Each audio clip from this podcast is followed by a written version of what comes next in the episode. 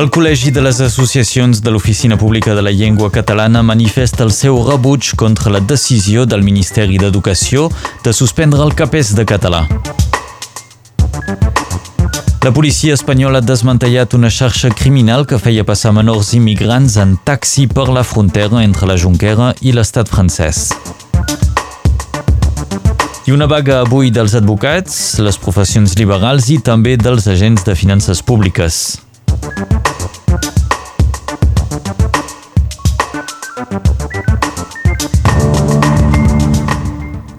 Els carters de Sant Genís de Fontanes mantenen encara el moviment de vaga per avui. Dissabte les negociacions amb la posta van avançar però no van acabar de satisfer el personal vaguista. La posta segueix refusant contractar més personal en CDI. Segons la CGT, més del 80% dels carters de Sant Genís segueixen aquest moviment de vaga.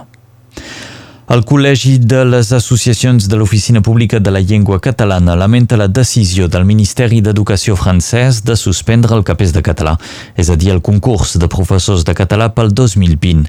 En un comunicat, el Col·legi Associatiu de l'OPLC considera la decisió d'injustificada i inacceptable i recorda que molts col·legis de Catalunya Nord es troben encara sense cap professor de català.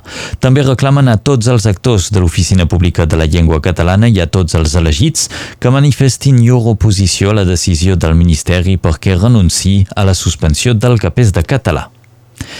Parlem d'eleccions municipals al vilatge de Toluges. Nicola Barta ha presentat oficialment la seva candidatura a les eleccions. Ja fa vuit anys que Nicola Barta és elegit al Consell Municipal. La seva candidatura es basa en tres eixos, la identitat, la responsabilitat i el medi ambient. La policia espanyola, en col·laboració amb l'Europol, ha desmantellat una xarxa criminal de tràfic de menors, fent-los passar en taxi, que els feien passar en taxi per la frontera entre la Junquera i l'estat francès. Aquesta organització portava els menors amb autobusos i quan arribaven a la Junquera els feien baixar, els separaven en grups i els feien continuar en taxi fins a la primera estació de servei de Catalunya Nord, on tornaven a pujar l'autobús per continuar el viatge. La xarxa utilitzava autobusos d'empreses del Marroc, Espanya i França per tra transportar les persones des d'Almeria fins a l'estat francès o a Bèlgica. El Tribunal de Justícia de la Unió Europea analitza avui una qüestió prejudicial en relació amb l'euroordre de l'estat espanyol contra el cantant mallorquí Baltònic. La petició d'extradició emesa per l'estat espanyol és paralitzada al Tribunal d'Apel·lació de Gant. Aquest tribunal va presentar el novembre passat dues qüestions prejudicials arran dels dubtes que tenia sobre l'aplicació de l'ordre europea de detenció pel delicte d'enaltiment del terrorisme, un dels tres que consta en l'euroordre contra Baltònic. Les bases d'Esquerra Republicana han tornat a mostrar un nivell de confiança massiu a Oriol Junqueras i a Marta Rovira.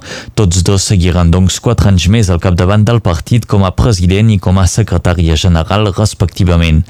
La votació era un simple tràmit, ja que no hi havia cap més candidatura. Junqueras va obtenir el 88,34% dels vots dels militants i Rovira el 86,75%. Jornada de protesta avui pels advocats i les professions liberals contra la reforma de la jubilació a l'estat francès. La vaga s'anuncia massiva. El col·lectiu d'advocats de Catalunya Nord ha anunciat una forta mobilització. A la una, una manifestació és prevista a París avui. A més dels advocats també s'hi sumaran metges, infermers, quiners, així com també pilots d'avió i personal de bord. I vaga avui també dels agents de les finances públiques protesten contra la nova organització dels serveis i la supressió anunciada de de Serse Bourreus dal Trésor public. Molta actualitat esportiva aquell cap de setmana. Començarem amb el rugby. Els dracs catalans i l'USAP jugaven aquell cap de setmana. Curiosament, tots dos van perdre pel mateix resultat 24 a 22. L'USAP va caure al camp de Carcassona, però van sumar un punt, un punt de bonus defensiu. Els dracs catalans han tancat la temporada portant al camp de Huddersfield. Els dracs han acabat l'any a la setena posició de Superliga. En futbol, el Barça va golejar el València dissabte 5 a 2. El jove, la jove perla blaugrana Ansu Fati, de 16 anys, va ser titular, va marcar el primer gol i va fer l'assistència del segon. Amb aquest resultat, el Barça és ara al quart lloc de la Lliga. I demà els blaugranes s'estrenaran a la Champions a les 9 del vespre al camp del Borussia de Dortmund. I acabem Parlant de la 36a edició de la Ronda Sarratana que va tenir lloc ahir, el corredor de Kenya Isaac Maiyo Kibiwot va guanyar sobre la distància de 20 quilòmetres, sobre la distància de 6 quilòmetres va ser Lilian Sidhu qui va ser vencedor. En total han estat 1.074 atletes que van participar a la cursa, una xifra inferior a la dels, de les darreres edicions.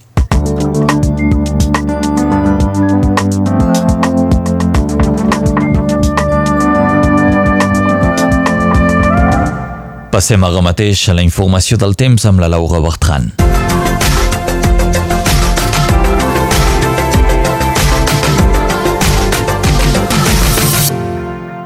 Temps variable amb pluges febles i clarianes.